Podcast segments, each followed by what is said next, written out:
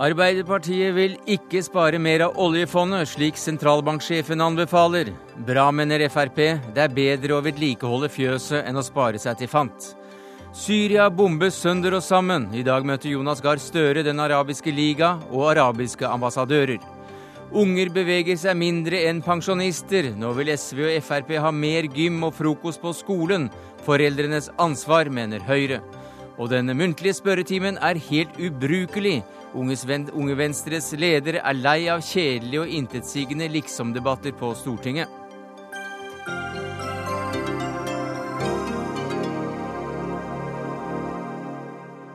Ja, Det er noen av sakene i Dagsnytt 18 denne fredagen, der vi også skal kikke inn i hodet til Roald Amundsen med brillene til tre av våre fremste kunstnere. Men vi begynner med Syria, der sikkerhetsstyrkene i dag gjennomførte det som kalles intens bombing av byen Homs, de verste på flere uker. Og det skjer altså samtidig som FNs hovedforsamling vedtok en resolusjon som krever at voldsbruken i Syria må opphøre umiddelbart. Også Norge stemte for, men hvordan følger verdenssamfunnet dette opp, utenriksminister Jonas Gahr Støre? Ja, dette er jo ikke bindende for noen når det kommer fra generalforsamlingen, men det er jo en sterk budskap da 137 land og 12 bare stemmer mot. Uh, og Det forandrer ikke noe over natta, men det er viktig at det vedtaket kom etter at Sikkerhetsrådet ikke klarte å ene seg. For nå er det iallfall sendt et klart og entydig signal fra verdenssamfunnet. Og det blir enda tydeligere at det som foregår fra regimet i Damaskus er uakseptabelt etter moderne humanitære standarder. Midtøsten-korrespondent Sigurd Falkenberg Mikkelsen, det ble altså meldt om intens bombing av byen Homs i dag. Hva vet du om det? Ja, Det er dramatisk i flere byer, men det er som vanlig verst i Homs. og Ifølge aktivistene så er dette den eh, kraftigste bombingen de har opplevd. Eh, de sier at minst fem mennesker er drept. Eh, det er umulig for oss å bekrefte dette fra utsiden. Eh, men eh, ifølge FN så er det da først og fremst sivile strøk det går utover. Og det virker ikke som de har gått inn i disse to bydelene som er hardest rammet, med bakkesoldater. Men så har det også vært da som vanlig hver eneste fredag store demonstrasjoner mot Assad i noen av byene. Og vi må ha i bakhodet at det var det slik dette begynte, med, med fredelige demonstrasjoner, med folk som krevde reform av styret. Hvordan har reaksjonen i Syria vært på FN-resolusjonen? Er i og for seg ikke kommet så mye ut fra syriske myndigheter, bortsett fra det FN-ambassadør Bashar Jafari sa i går. Eh, og Da sa han at eh, de arabiske statene lar seg bruke av Vesten, og at de ved å presse gjennom denne resolusjonen oppfordrer til, eh, oppfordrer til mer terror og, og væpnet konflikt. Problemet her er at de på mange måter sår hva de selv har høstet. Dette begynte som, begynte, som jeg var inne på i stad, som fredelige demonstra demonstrasjoner. Så har det utviklet seg til mer og mer væpnet kamp eh, i uh, de siste månedene. Takk skal du ha, Midtøsten-korrespondent Sigurd Falkenberg Mikkelsen. Og den minareten, eller innkallelsen vi hørte fra minareten, eh, den eh, var vel da i Kairo, ikke i Damaskus. Jonas Gahr Støre, du har hatt et par interessante møter i dag. Et telefonmøte med Den arabiske liga. og La oss begynne med, med den. Hva, hva ble sagt der? Ja, Det var med generalsekretær eh, Al-Arabi, som er en uh, mann la oss si det, som har jo brakt Den arabiske liga i front i diplomatiet i Midtøsten på en måte vi ikke har sett før. Uh, og som vi påpekte i natt, at FN vedtok med så mange stemmer en resolusjon fremmet av Den arabiske liga som fordømmer menneskerettighetsbrudd i et annet arabisk land. Det viser hvor mye som er skjedd i løpet av ett år. Eh, men han står jo overfor det samme som vi alle, at den endrer jo ikke da realitetene på bakken, som vi sier. Det som skjer i dag, er jo en forlengelse av eh, et eh, voldsregime som utspiller seg i sivile strøk. Men det er iallfall bedre enn ingenting. Og det er et uttrykk for at verdenssamfunnet nå begynner å vedta og si ifra. Og jeg vil da ta fatt i det det er mulig å ta fatt i. Og dette er én ting som setter en standard. Og det er noe å jobbe videre fra. Eh, jeg var opptatt av i samtalen med han at når det nå tenkes vennegrupper for Syria, og det bør det tenkes, så bør de være inkluderende. For det er viktig nå, slik vi ser det, at eh, land som Russland og Kina blir brakt ut av den vetoposisjonen de er i når de stemmer nei. Eh, og at de etter hvert ser at det å stå på Bashar Assads side, det er på gal side av historien. Og Derfor så må land som både har kontakter med Russland og med Kina i andre sammenhenger, forsøke å lage prosesser som får dem over. Og det, det er han enig i. Det var det du sa, men hva sa han? Eh, nei, det sa han at han var enig i det. Eh, han var eh, urolig for den humanitære situasjonen. Vi diskuterte hva vi kunne gjøre for å om mulig få inn humanitære hjelpesendinger, enten fra innsiden av landet eller fra utsiden. Ja, hvordan ser han på det? Nei, det er veldig vanskelig, fordi at det å få ting inn jo vil bli sett på som et nærmest et angrep av de syriske myndighetene i det leiet de er i nå. Men det er jo også aktører inne i Syria. Røde Halvmåne, Røde Kors, altså andre humanitære organisasjoner. Og det handler også om adgangen for dem. Til NTB i dag så, så sier du at um, hvis noen hadde sagt for et år siden at Den arabiske liga skulle være en pådriver for et regimeskifte i et uh, arabisk broderland, ja, så ville du sett på det som svært pussig. Men da er jo spørsmålet hvorfor i all verden eh, gjør land som vel ikke fronter demokratiske rettigheter særlig skarpt, som Bahrain og, og Saudi-Arabia, dette? Nei, Det er jo i seg selv en interessant historie. For det handler jo da om mange av de interne konfliktlinjene i araberverden mellom sunnier og sjiaer og uh, ulike tradisjoner og retninger. Uh, uh, man kan diskutere motivene for det. Men er de ikke bare interessert i stabilitet i disse landene? Jo, de er interessert i stabilitet, men jeg tror vi også skal ta på alvor at det å stille seg på siden av en leder som bruker militære midler mot sitt eget folk, det er risikabelt selv for ledere som lever i land hvor det ikke er fullt demokrati. Og men det, det gjør jo alle de andre landene også? Nei, men det er jo også et uttrykk for at de, de, de har en gate å ta hensyn til selv.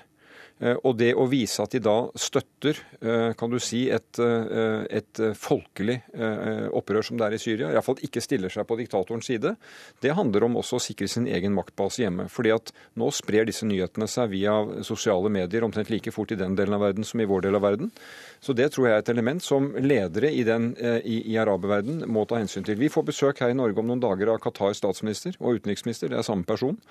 Qatar er jo en interessant aktør, som nå et lite land ved Gulfen, som spiller en nøkkelrolle i mange av disse konfliktene. På ingen måte et demokrati som vi vil se det, men du har mange kolleger der i Al Jazeera eh, som jobber ut fra eh, et TV-selskap som har vært med å drive mye av de endringene vi har sett. Men det skjer altså i et land som ellers har eh, kan du si, mangel på friheter, etter hva vi definerer det som. Så det er eh, konteksten i den arabiske verden. Men eh, det er et paradoks at et land som Saudi-Arabia altså da er en pådriver for, for et regimeskifte. Er det, ikke, er det ikke det da, Kai Kverme, du er prosjektkoordinator ved Senter for islam og Midtøsten-studier ved Universitetet i Oslo. Og, og hva sier det noe om? Ja, Det sier noe om mye forskjellige ting. Altså, Saudi-Arabia er et kongedømme, et veldig tradisjonelt kongedømme. Det er jo klart at et slikt land må, der må styrerne legitimere seg på en helt annen måte enn en republikk. Saudi-Arabia er også et veldig unnskyld, konservativt land. Eh, det er ikke sånn at eh, opposisjonen i Saudi-Arabia nødvendigvis er eh, demokrati. Altså, Det er jo en sterk opposisjon i Saudi-Arabia som ønsker å dra landet i langt mer konservativ og det vi kanskje kan kalle udemokratisk retning. Altså, Det er jo det som er realiteten. og Jeg tror utenriksministeren har rett i at det er et, det er et viktig skille vi ser nå, hvor også disse landene klart tar stilling mot herskere i Midtøsten som bruker våpen mot sin egen mm. befolkning. Og, og, slik er det jo ikke i Saudi-Arabia, altså. Støre, du hadde også møter i dag med eh, arabiske eh, lands ambassadører eh, til Norge.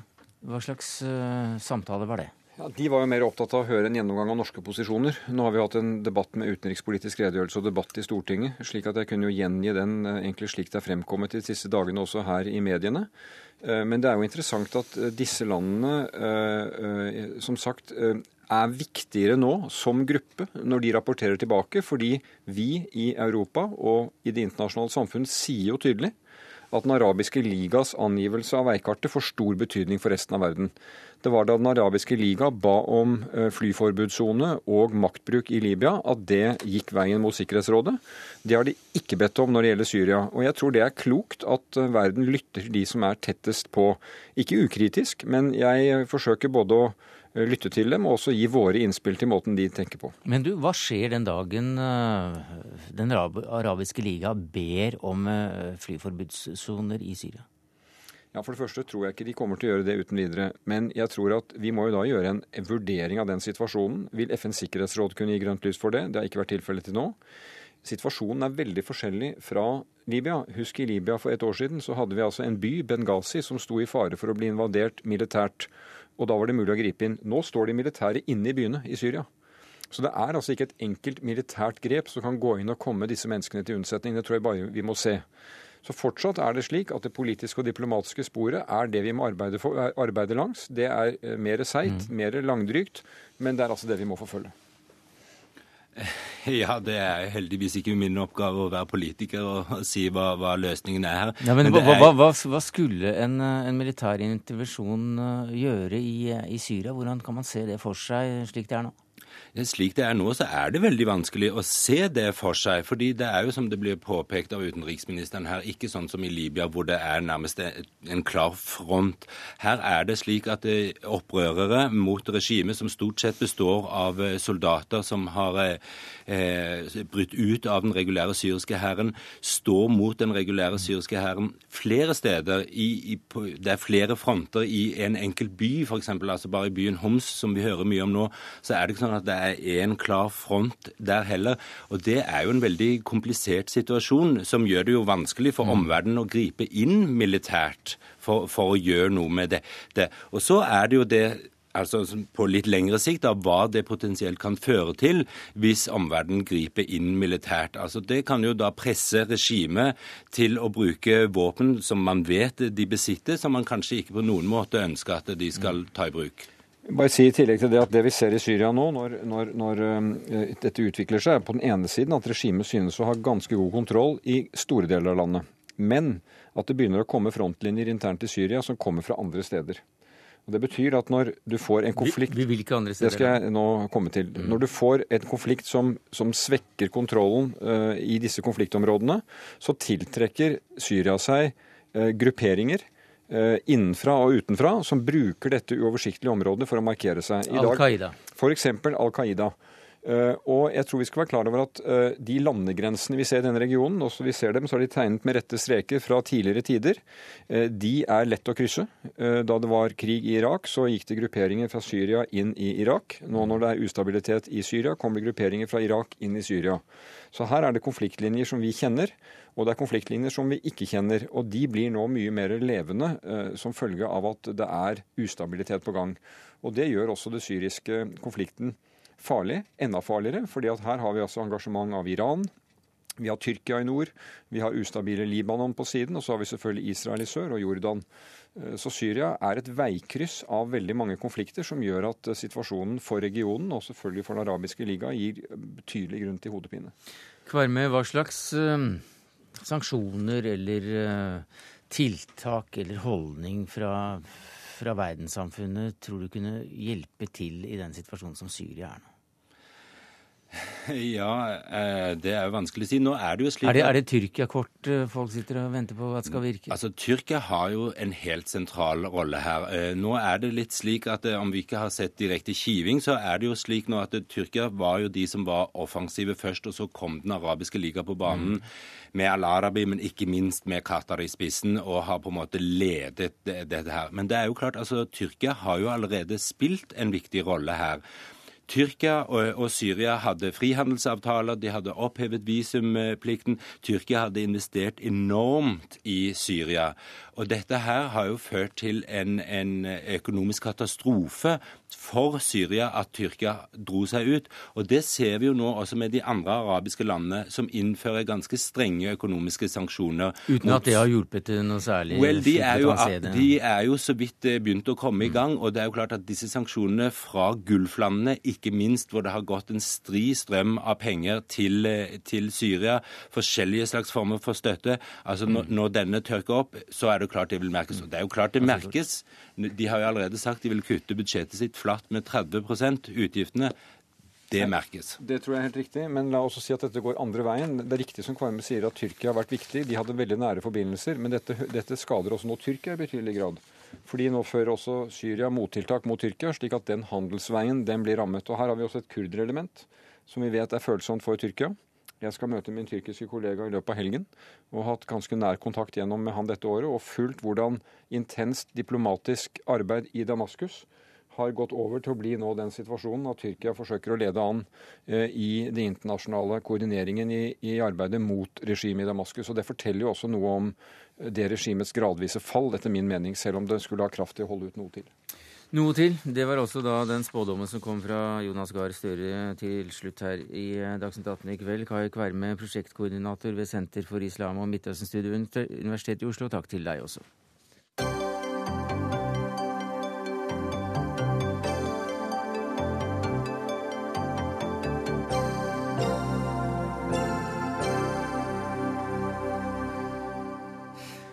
Så skal vi til sentralbanksjefens tale. For uh, som vi hørte i går, så vil også Øystein Olsen at vi skal snurpe inn pengesekken og bruke 35 milliarder kroner mindre av oljepengene i året.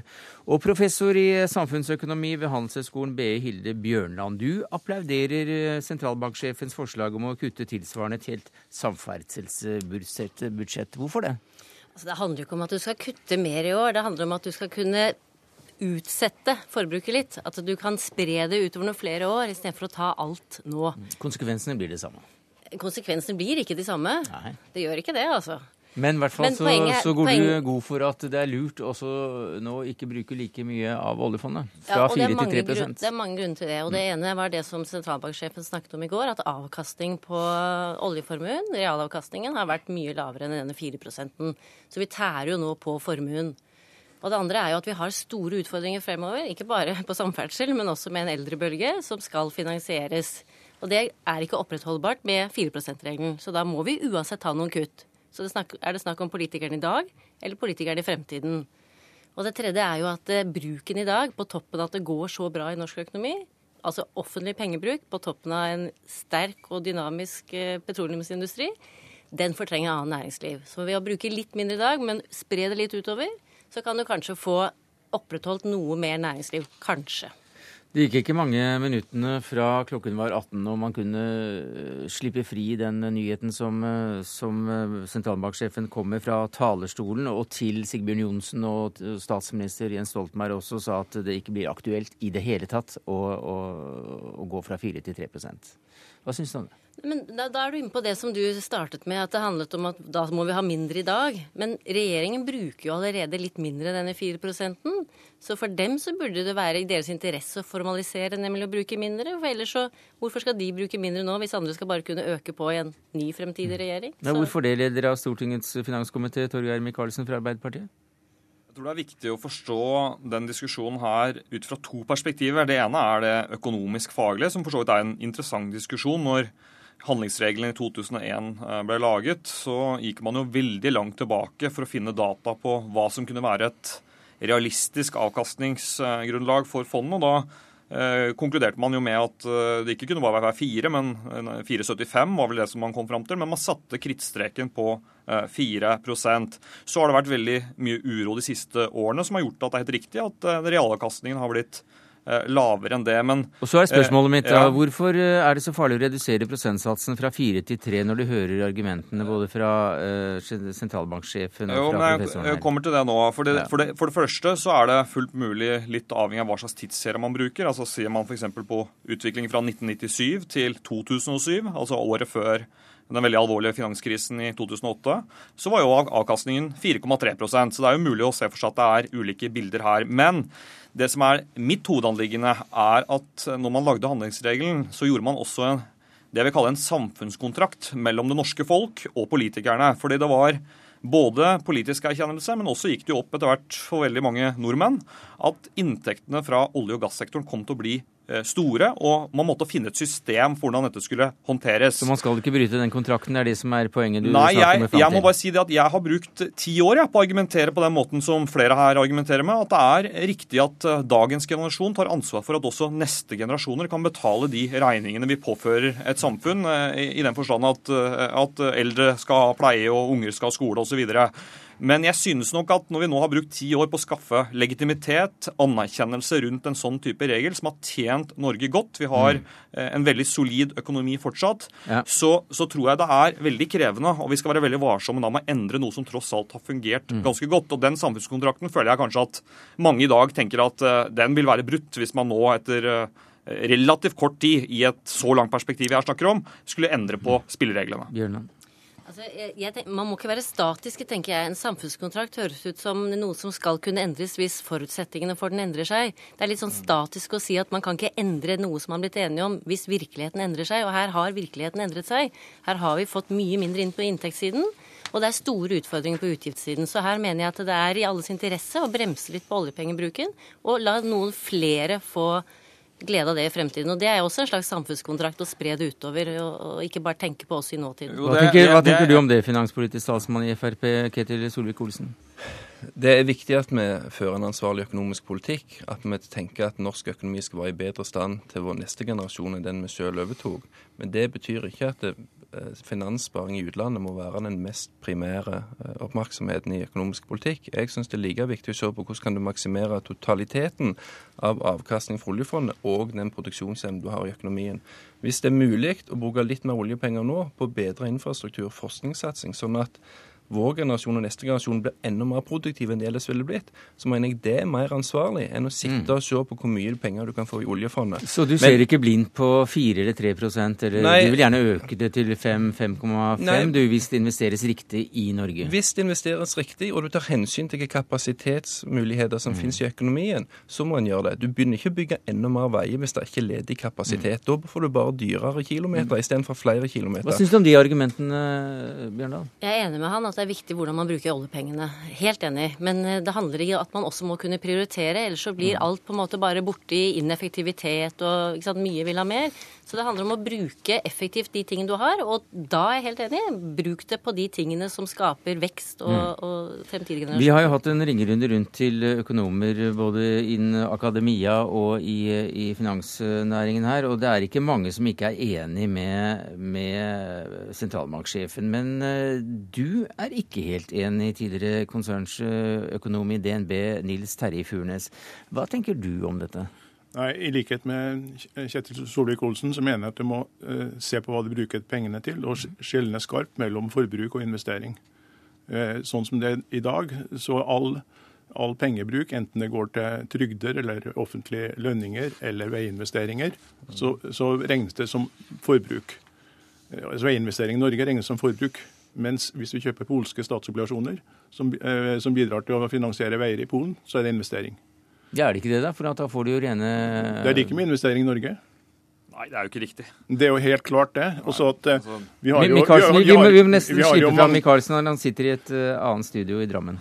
Vi har jo Et øyeblikk, vi må få inn Michaelsen. Er det ikke det? Det- Jeg er veldig for asfalt, veldig for flere nye veier. Men for, forskjellen på å investere f.eks. i, i utlandet, da, det er jo at vi får noen penger tilbake. Det er jo da et lån til en stat som vi får rente på. Det er mange veier i Norge som er samfunnsøkonomisk lønnsomme, som bidrar til vekst og velstand. Men det fins jaggu meg også mange veier og strekninger som vi bygger med gode grunner, men som ikke er samfunnsøkonomisk lønnsomme. Så hele forskjellen er jo om hva du kan få tilbake i form av en investering, og ikke nødvendigvis hvor det skjer.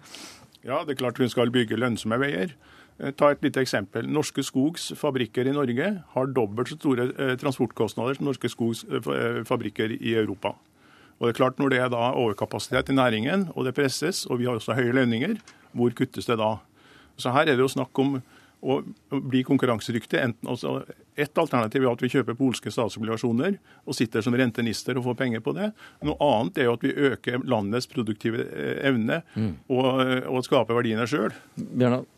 Altså, eh, jeg ser det ikke helt på den måten. Jeg ser på, på måte oljepengene som en bonus. Vi har våre utgifter, og så har vi skatteinntektene som skal dekke de. Og så det vi har ekstra bonus, de skal vi bruke på best mulig måte som kommer oss til gode. Og det er de vi skal bruke. Og hvis man på en måte slipper opp denne diskusjonen til å handle om nå kan vi på en måte bruke alt vi vil og, og investere i alt vi vil, så, så vannes jo dette ut. Og sånn sett er jeg enig med, med Michaelsen at uh, man skal være veldig forsiktig med på en måte å vanne ut hele regelen. Det er ikke det som er poenget her. Poenget er bare å stramme litt inn. Nei, men Der er jeg enig. Men jeg mener at vi kan godt ha en handlingsregel som går på vedvarende offentlig utgiftsvekst. Vi ser jo at de rød-grønne har blåst opp offentlig sektor eh, under sin styretid, mens privat næringsliv og privat, offentlige investeringer i infrastruktur har sakket akterut. En har altså fått en økning i statsbudsjettets utgiftsside på 55 neks- nesten, mens forskningsbudsjettet har bare økt med 30 Det viser hvordan det blir nedprioritert. Produktivitetsveksten under den borgerlige regjeringen var på 2,2% i året. Under de rød-grønne har det vært minus 1,44 i året. Det viser jo at ja, vi bruker mer oljepenger, men du bruker det på feil deler av norsk økonomi, som gjør at du ikke øker produksjonsevnen. Jeg klarer ikke å se i Torgeir Micaelsens argument hvorfor det er bra for norsk økonomi å investere i Coca-Cola-aksjer. Ikke bra å, å bygge asfalt. Men allikevel, innenfor handlingsanleggene i dag, så får du lov til å gi penger til Statkraft, som kan bygge vindmøller for de oljepengene uten at de telles innenfor handlingsregelens domene. Og da er det så mange hull i denne regelen at det blir, det blir kunstig når han sitter med de floskelutsagnene fra Micaelsen om, om, ansvarlighet og sånne mm. ting. For du bruker penger Micaelsen, det må du nesten få svare på. Ja, her var det veldig mye å ta tak i. Ja, ikke ta tak i alt. Nei, bare skulle ta det er mye å svare for, ja. ja. jo, men eh, vi har noe, eh, altså det er noe Statsministeren sa det godt i spørretimen tidligere i uka. En regjering skal være veldig forsiktig med å forskjønne situasjonen i et land. Men en opposisjon skal også være veldig forsiktig med å svartmale. Og her er Ketil Solvik-Olsen langt på utsiden. Ja, ta meg, konkret, da. Ta meg konkret, for dette var ja, bare veldig... være konkrete. Ja. Eh, siden eh, statsminister Stoltenberg tok over i 2005, så er det skapt 300 000 arbeidsplasser Men dette her faller Unnskyld, unnskyld, mine, herrer, unnskyld mine herrer, dette kommer litt utenfor, selv om det sikkert eh, er noe i tråd med, med kveldens tema. Men allikevel. Eh, altså, bruken av oljepenger, eh, det kan vi snakke om eh, ganske mange timer, er jeg redd. Men er det ikke slik det at hvis du skal begynne å fikle med, med, handlingsregler og bruke mye mer, så ja, da oppgir du en, en, en samfunnskontrakt som borgerne faktisk har med staten? Ja, altså, jeg har aldri vært noe tilhenger av denne, denne Kontrakten? Nei. Nettopp fordi at du ikke skjelner mellom hva de bruker pengene til. Eh, eh, ta et lite eksempel. Når vi pumper opp olje og gass fra havet eh, og plasserer i oljefondet, så konverterer vi fra realformue til finansformue.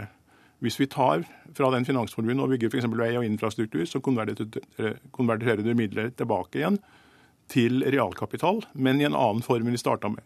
Så det er de brukt, samme pengene? Har, du har ikke brukt pengene, som, du har bare lagt de over i en annen uh, Ja, Det som du tar ut av banken og kjøper hus, det er ikke brukt opp pengene, det er omplassert. Og det er akkurat det en skille der som, som mm. blir helt tilslørt i handlingsregelen, mm. hvor du adderer alt, eh, alt sammen. Bjørndal. Så Du bruker jo penger utenom handlingsregelen for å investere i oljevirksomheten, for du vet at du får inntekter tilbake til det. Men det som jeg syns er litt viktig, er at uh, denne politiske debatten det handler veldig mye om er dette vekstfremmende. Uh, bygge barnehager, det kommer fremtidige generasjoner til gode. Så det kan du si er en positiv ting.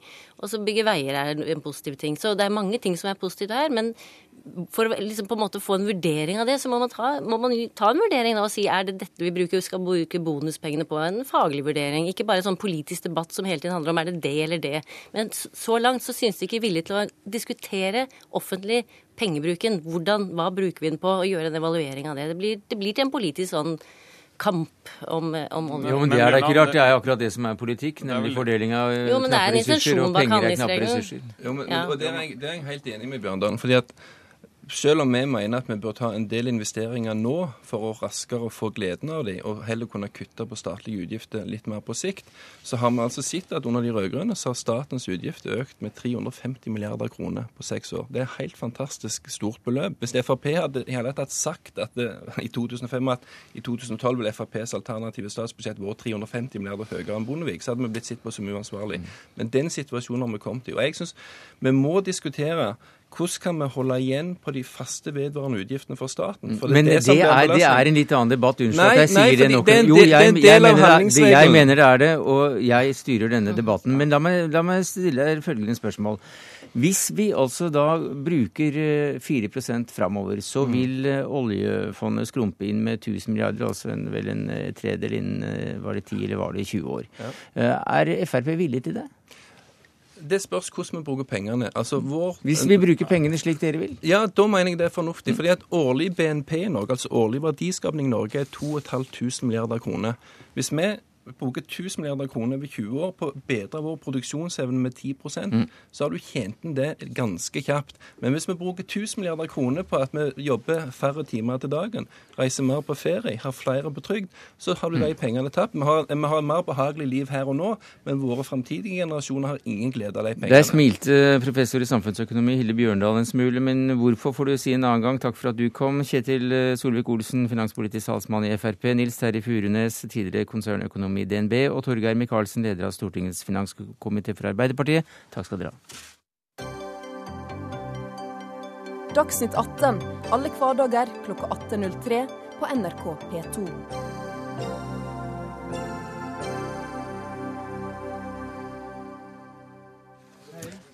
Var Roald Amundsen en uh, kunstnersjel, Ulf Nilsen? Absolutt. Absolutt. Hvor, Altså, han- Hvordan kan du si det? Nei, altså, eh, hvis Kunstner er jo et søkende vesen, og eh, ikke bare det, men også Amundsen visste jo gjennom dagboknotatene at han eh, hadde et indre mål, og det målet var han besatt. Og det er også det å skape og det å ville nå et mål. Så, så kunstnersjelen eh, Han absolutt representerer en kunstnersjel for meg. Hva slags sider ved, ved Amundsen ble du kjent med, og som eh, du kunne forholde deg til, til et, eh, i et kunstprosjekt som det vi skal snakke om eh, her, etter da å ha lest dagbøkene hans? Ja, altså, For meg så var han Når jeg leste, når jeg fikk, fikk tilsendt dagboken, så, så var det det som slo meg mest, var hans nøysomhet, hans lidenskap og hans detaljer og hans tålmodighet. Og først og fremst hans, hans besettelse etter å, å ville nå målet sitt. Og, og hva han gjorde da for å strukturere sin, sin reise, var fantastisk. Så, så tålmodighet, og også for meg da en beundring for at han, han våget å sette sitt liv og sin, sin, sin menneskelige styrke inn på det. Så, så det er en Kunstnersjel. Ja, absolutt. Ulf Nilsen, eh, du og Tore Hansen og Håvard Vikhagen, tre av våre mest kjente malere, har altså laget bilder etter å ha blitt inspirert av Amundsens dagbøker. Og i går åpnet utstillingen på Fram-museet på Bygdøy. Hva slags utstilling er dette blitt, eh, direktør Geir Kløver? Det er jo en salgsutstilling for malerier og grafikk. Til sammen er det 17 nye malerier som disse tre kunstnerne har laget. Og så har Ulf Nilsen laget en grafikkmappe på fire litografier. Det ble et spektakulært, eh, flott, storslått, og henger da veldig godt plassert ved siden av selveste Fram. Ja, Hva, hva, hva slags motiver er det de har valgt, disse Nei, ganske veldig, ulike kunstnerne? veldig forskjellige, og de har jo Hvis du legger sammen alle maleriene, så får du jo hele ekspedisjonen.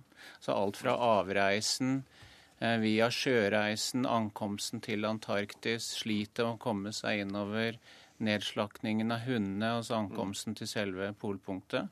I tillegg så har jo Tore Hansen også gått nærmere inn på Amundsen med en del eh, portretter.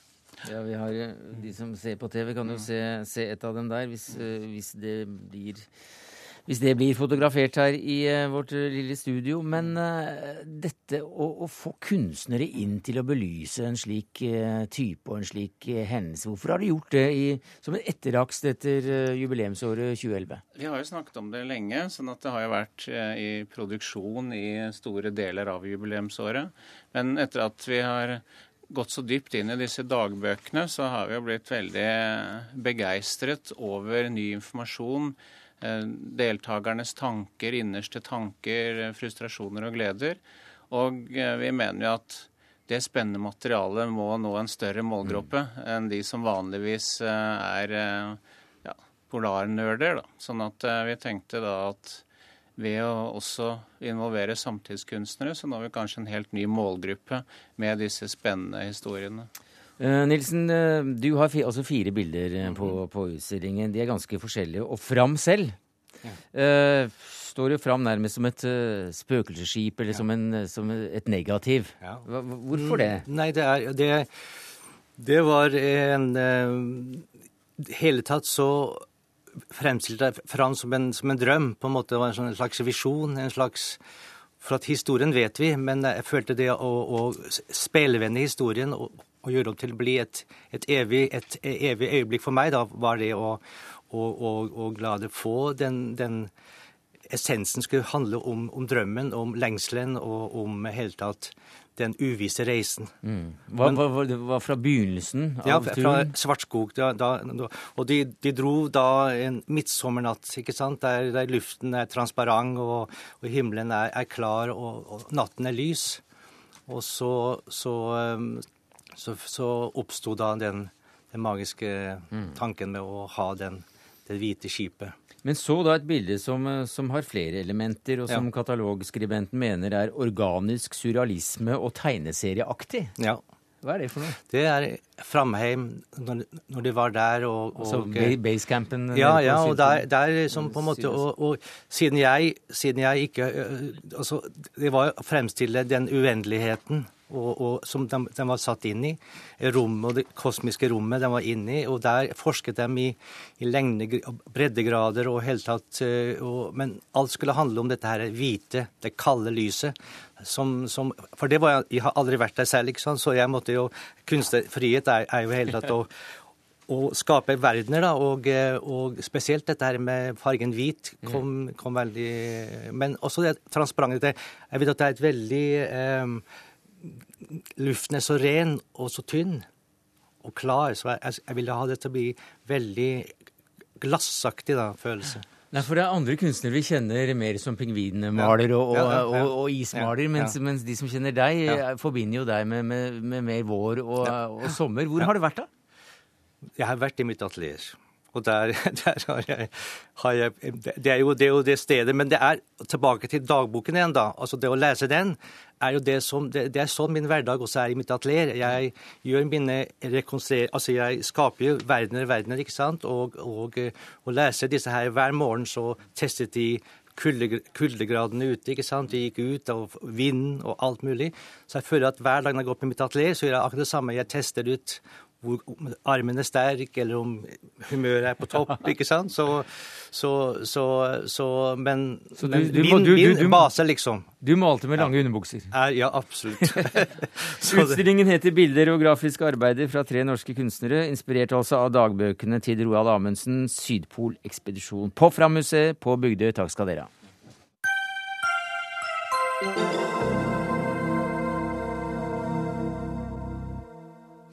Ja, norske ungdommer sitter på rumpa hele dagen og beveger seg mindre enn pensjonistene. Det viser de nye nøkkeltallene for helsesektoren som kom i går. Så timingen er med andre ord perfekt for partiene å gjøre noe med klein kondis og fete fjortiser.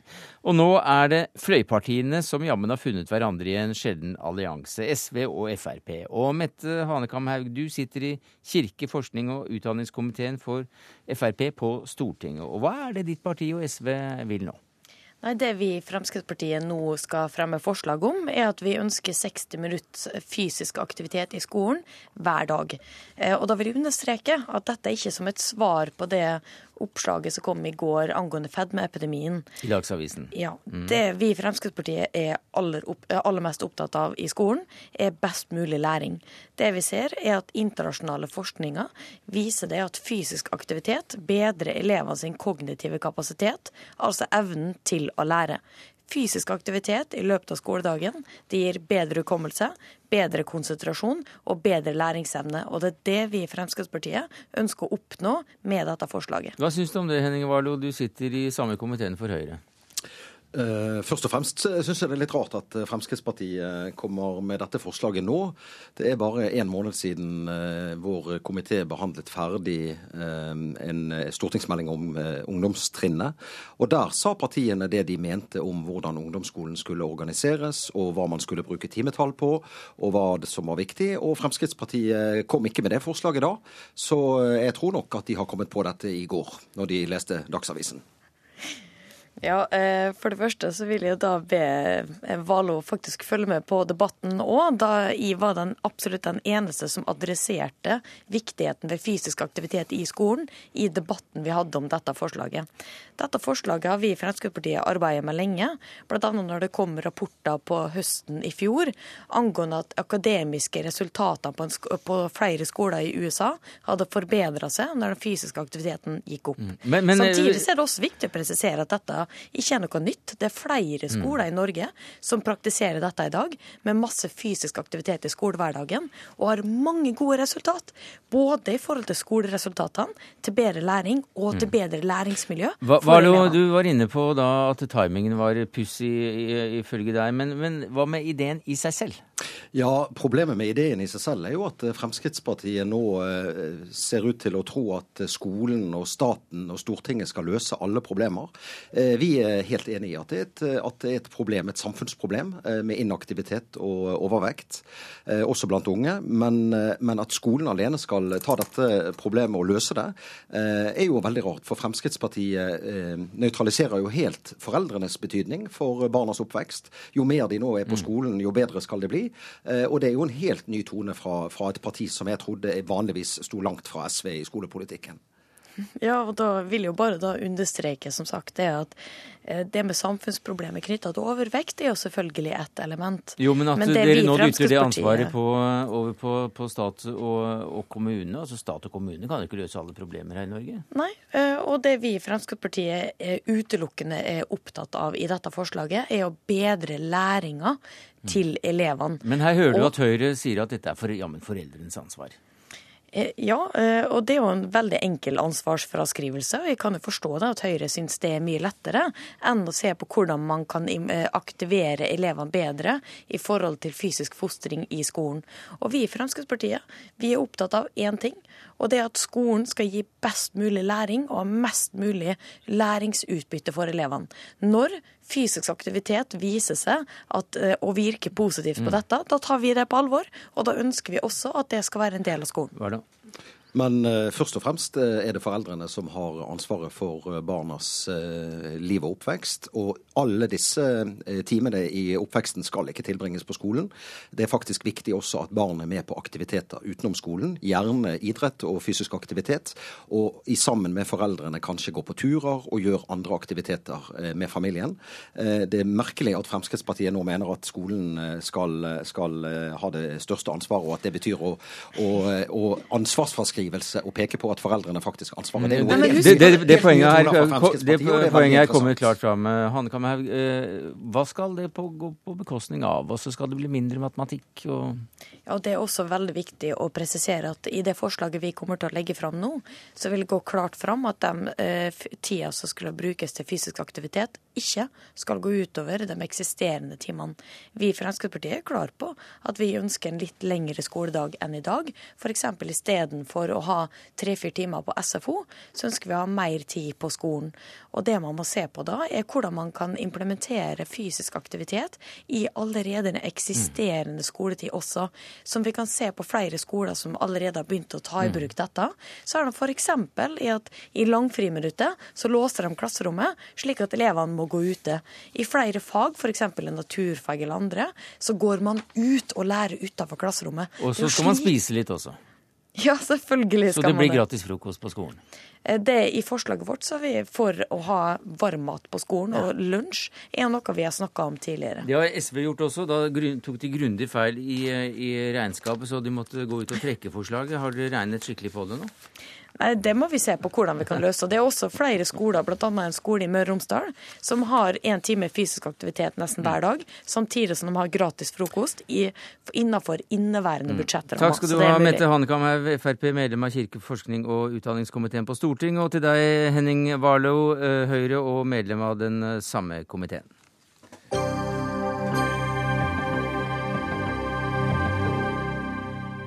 Vi har eh, sett dem på TV, stortingsrepresentanter som glipper med øynene eller fordyper seg i det mer eller mindre smarte telefoner byr på av alternativer til det som skjer i salen der all makt skal være samlet.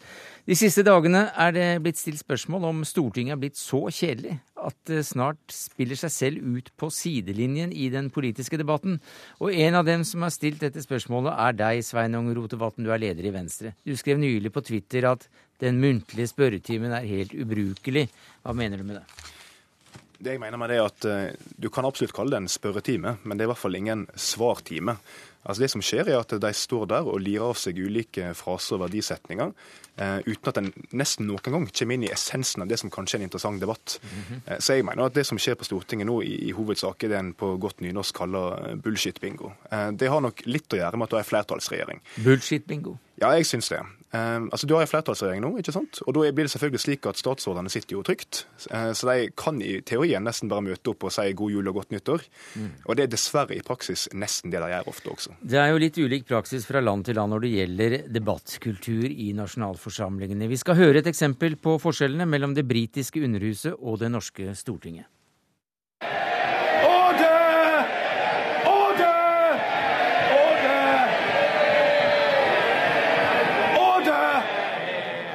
I say to the children's minister, try to calm down and behave like an adult. And if you can't, if it's beyond you, leave the chamber, get out, we'll manage without you. prosessen omkring omlegging av finansieringsmodellen for fagskoler. Ved behandling av kommuneproposisjonen for 2012 vi jf. proposisjon 115 S 2010-11 og innstilling 429 S 2010-11 ble det i merknad fra kommunal- og forvaltningskomiteen bedt om at det gjøres en vurdering av finansieringsordningen for fagskoler. Ja, til slutt så hørte vi altså statsråd Aasland fra onsdagens muntlige spørretime. I den grad muntlig er et godt ord her, Erling Kjekstad, kommentator i Nasjonen. Du har fått med deg dette, hva sier du? Nei, jeg syns jo at uh, dette her er jo et eksempel på hvordan vårt storting så å si har fått en form som gjør det at det er det blir et problem i forhold til å engasjere folk, og det blir et, et problem i forhold til å rett og slett få uh, vise sin makt, altså. Og komme i inngrep på politikken. Altså, Stortinget er verre. Det er mange som gjør trofast og bra arbeid der. Men når det gjelder det store gross uh, av Stortinget, så er det altfor mye blitt et politisk baksetemiljø, rett og slett. Også, også spørretimen? Spørretimen, den er, eh, som det blir sagt her, altså det er noe med at det, det blir på et vis tillatt at folk snakker forbi hverandre. Mm. Uten at noen som helst korrigerer det. Altså, Statsråden kan gi et svar som da spørreren syns er eh, Altså i hvert fall de som da hører på dette, syns at de snakker jo helt i hver sin verden, altså. Og det blir ikke noe utveksling av meninger, det blir ikke noe å bryne seg mot hverandre. De snakker forbi hverandre. Trond Nordby, professor i statsvitenskap ved Universitetet i Oslo, hva sier du? Hei, Jeg syns kanskje det er en overdrivelse. Og hvis jeg skal bruke da noe snakker om bullshit-bingo, så vil jeg si at den argumentasjonen smaker av stutum. Mm -hmm. For det er eh, den muntlige spørretimen, den i 2009-2010 så var det 122 spørsmål som ble stilt i den uh, muntlige spørretimen på onsdag. Mens da de skriftlige spørsmålene til skriftlig besvarelse var 1815. Så det foregår i stillhet en kommunikasjon, en utveksling da av eh, standpunkter mellom eh, regjeringen og medlemmene av Stortinget. Men nå kan du jo stille spørsmål om de er alltid like innsiktsfulle og relevante, de svarene som gis. Men dette utspillet er altså Stutum-utspill? Jeg mener at det som er ganske slående, da, er jo også hvordan en ser at statsråder, særlig statsministeren, også nedprioriterer å møte i spørretimen. ikke sant? Altså, Vi har tatt et klipp fra den britiske spørretimen i stad. Der møter statsminister David Cameron hver eneste onsdag. Eh, og Der sitter han og forbereder seg hele kvelden før og hele formiddagen, for dette er den viktigste mm. debattarenaen. Mm. I, I Norge så har de da holdt en annen stil. Det er en stille verdighet. Og jeg syns det er en veldig verdig og skikkelig debatt. Det er ikke alltid like interessant, men eh, de, og de har jo slitt med det i alle år å få trukket politikerne inn i debatten, de store debattene. For det er et problem at det heller stiller opp på Dagsnytt 18 og Politisk kvarter og disse debattene på fjernsynet fra Litteraturhus og Torp fra NRK. Det er et problem, og det er mange som ikke vil stille opp. Men det er også en annen ting som ikke er nevnt, og det er at disse, dette spørreinstituttet er også for yngre politikere. Så det er en, et sted hvor de for første gang våger seg utpå. Mm. Og det er heller ikke uvesentlig, at de må lære å ta ordet en gang. Mm som er hovedproblemet, er at når statsrådene først møter opp, da, når statsministeren først møter opp Nå møtte han på onsdag, det var første gang på 77 dager, tror jeg. Dagens Næringsliv skrev at statsministeren ser oftere frisøren sin når han ser Stortinget. Det er jo en spissformulering, men det er ikke så veldig langt unna sannheten. Jo, men det at dere får trent dere, eller de, de får trent seg, de, de, yngre og litt uerfarne, i, i, en form som kan komme godt med? Jo, men det de yngre og uerfarne sier når de får prøve seg, er jo at de blir veldig demotivert. For at de opplever at det er helt umulig å få noen form for svar. Altså Det som er standardoppskrifta, er at du stiller et spørsmål, ofte gode spørsmål. Og så sier statsråden dette er et kjempeviktig spørsmål, derfor har vi bevilga mange milliarder til dette området siden 2005, men det betyr ikke at vi er i mål. Jeg synes jo det at jeg snakker om spørretimen her, så er det en flik av en større problematikk. Og det er jo når det blir sagt her at ja, politikerne stiller heller i f.eks. her i Dagsnytt 18 eller i andre debatt. Ikke gjør det til det store problemet, da. Det er, nei, det er ikke problem, men Stortinget bør lure på hvorfor er det sånn? Hvorfor er det ikke like spennende å en, være med i en stortingsdebatt som det er i en Dagsnytt 18-debatt? Hvorfor er ikke det like mye politisk drive i en sånn debatt? Og det bør man stille spørsmål om, for der ligger det noe som Stortinget bør gjøre noe med. Ja, hva kan, hvordan kan Stortinget utnytte den eventuelle erkjennelsen, da? Altså, kan, Da er det jo snakk om å ta praktiske grep, f.eks. å prøve ut alternativer. Altså tenke som så at ja, ja, ja, dagens situasjon den er vi ikke fornøyd med, vi prøver noe annet. Og da Jeg er vel her fordi jeg skrev en kommentar her en dag om at man kunne ta grep. Og f.eks. da For å ta et litt annet utgangspunkt. altså Bård Vegar Solhjell i SV, han hadde jo da en kronikk nylig som gikk på det at hvorfor ikke bruke lagtingssalen til et debattforum, et slags litteraturhus, hvor du klarer å løfte fram mm. de store linjer i politikken og gjøre det innenfor Stortingets vegger.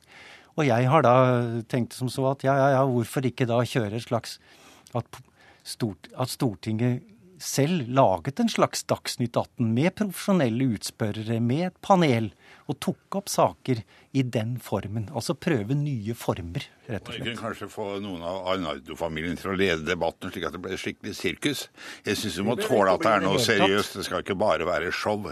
Jeg ser jo også på fjernsyns og radio og hører på radiodebatter, men jeg syns vi må kunne tåle å sitte på f.eks. Eh, onsdag formiddag og høre på spørretimen i Stortinget. Men sier, sier, du at programleder i Dagsnytt 18 er rene klovnene? Nei, det er det ikke, men eh, det spør Du blir så fornærmet, men eh, det trenger ikke være show. Og jeg syns vel kanskje, ikke du nødvendigvis, men jeg syns kanskje ofte at eh, journalistene skal sette sakene på spissen litt for mye. Det går an å argumentere saklig og rolig, slik som det ofte gjør i Stortinget. Men hvordan kan man, eh, unnskyld uttrykket, da sprite opp disse f.eks. Spørretimene, slik at det også kan fenge yngre folk som, som gjør at de kan følge litt med, bli interessert. Du må lære yngre folk til å sitte på spikermatta og høre det som kanskje virker kjedelig i øyeblikket. De deler ut gratis spikermatte på skolen. De snakker om gratis eller varm lunsj. Gi dem spikermatter å sitte på. Ingen ønsker et sirkus i Stortinget, men jeg ønsker i hvert fall litt mer reell politisk meningsbryting. Og jeg mener at Hovedproblemet med særlig spørretimen er nok formen. Det er for rigid. Og Da kan en kanskje lære litt av program som Dagsnytt 18, i den forstand at det bør være muligheter til mer replikkvekslinger, mer oppfølgingsspørsmål, ikke bare to minutter, ett minutter. Og så kan en også ha en mer aktiv ordstyrer, f.eks. Altså, jeg mener at en president må kunne si at beklager, statsråd, men du svarte ikke på spørsmålet. Vil du forsøke en gang til? Hvis en ser til Sverige, f.eks., så har en også klart å bruke parlamentet mer som en reell politisk arena. Der har en partilederdebatter i parlamentet tre ganger om året. Um, I Storbritannia så har du mye mer bruk av oppfølgingsspørsmål. Og så skal vi være ydmyke og huske at spørretimen er ganske nytt. og Det er et ærlig og redelig forslag fra Stortinget på å faktisk få litt mer dynamikk. Mm. Og det har gått et stykke på vei. Men vi har fortsatt langt å gå for at parlamentet skal være det det er meint å være, Norges viktigste debattarena. Hvordan er historien til spørretimen? Ja, Det begynte jo med interpellasjoner. Du hadde en litt feilaktig introduksjon, for du snakket om all makt i denne sal, refererte til det som er en misforståelse. Men det var snakk om å få statsråden til å møte i Stortinget, for det hadde de ikke lov til før etter 1884. da under riks, Ved riksretten så ble det avgjort der. Og så hadde man da den første interpellasjonen kort tid etter. Blant annet så var det en stor interpellasjon i 1888 om menighetsrådssaken, som er en viktig moralsk og religiøs sak. Og så ble det da tatt inn i Stortingets forretningsorden i 1908. Men så har det da variert formen, så det som er da var tema her, den muntlige spørretimen, den ble tatt inn i 1996. Er det sant at det første som skjedde der, var at spørretimen ble avlyst? Ja, for det, Gro Harlem Brundtland benyttet anledningen til å erklære at hun skulle gå av som statsminister. Og Jagland satt hos eh, frisøren, så han hoppet i stolen og fikk der hakk i siden her. Så han, han, ble jo da oppnevnt, eller utnevnt eh, indirekte til statsminister mens han var hos frisøren. Så hun benytter sjansen, for da regnet hun med at det ville være mange journalister til stede. Eh, i den uh, sammenhengen. Mm. Og hun introduserte samtidig dette med disse skriftlige spørsmål som får skriftlige svar, som har blåst opp noe så enormt i den senere tiden. Men hva er da din løsning på å, å få litt mer dynamikk og, og, reelle debatter i den salen, som altså da der ikke all makt er samlet? No, nei, det er ikke riktig. Men ellers så er jeg for så vidt enig med han. Jeg syns kanskje det er litt for snau tid. At du skulle få lengre tid til å utdype spørsmålet, og også de som gir svaret, at de er for, er for gjerrige på den tiden de får til rådighet. At de kanskje skulle tåle færre spørsmål, men at de brukte litt mer tid på hvert spørsmål. Nå har jeg vært litt, eh, litt kass med statsrådene og regjeringa her, men jeg vil også si at opposisjonen har en jobb å gjøre. Eh, for jeg syns ikke opposisjonen eh, er flinke nok til å stille spørsmål. Jeg syns det er for mye snakk til media, at en prøver å legge inn verdisetninger og få sitat der, istedenfor faktisk sette statsråden på tiltalebenken. Og faktisk, når en får oppfølgingsspørsmål, ikke har fått svar på det opprinnelige spørsmålet, så burde det kanskje være lov å bare si vil statsråden prøve en gang til, istedenfor å lire av seg det du klarer av partiprogrammet i løpet av 40 sekunder? Det er jo også noe med at Stortinget må jo ha som ambisjon, syns jeg tross alt, å prøve å være et slags politisk verksted, kanskje i større grad enn de er nå. Du kan si det at ja vel, nå er det flertallsregjering, og nå sitter man der som sandpåstrøingsorgan. Men nettopp hvis man da har tid til overs, så går det jo an også å diskutere mer og ta mer opp de lange linjer, f.eks. Så, og det, Den historiske gjennomgangen her er jo helt glimrende og viser jo nettopp det at det er en form som er tilpasset et helt annet århundre. Og, og i dag kan du ikke forlange spikermatter av folk for at de skal følge med i politikk. Vi må kunne forlange at politikerne klarer å finne en eller annen form. Og at den også kan vise seg fram i Stortinget, altså. Og at ikke Stortinget blir et sånn sidespor i politikken som liksom blir satt opp på en eller annen pidestall og er uinteressant i hverdagspolitikken. At Stortinget ikke skal bli et sidespor, det er jeg ganske sikker på at også Trond Nordby og Sveinung Rotevatn er helt enig i. Takk skal du ha, Erling Kjekstad, kommentator i Nasjonen, som egentlig dro opp eh, denne samtalen ved en eh, kronikk i eh, avisen Nasjonen. Det var det vi rakk i Sirkus 18 i dag. Takket være ansvarlig for det hele Jonas Haagensen. Det tekniske ansvaret hadde Finn Lie. Jeg heter Sverre Tom Radøy.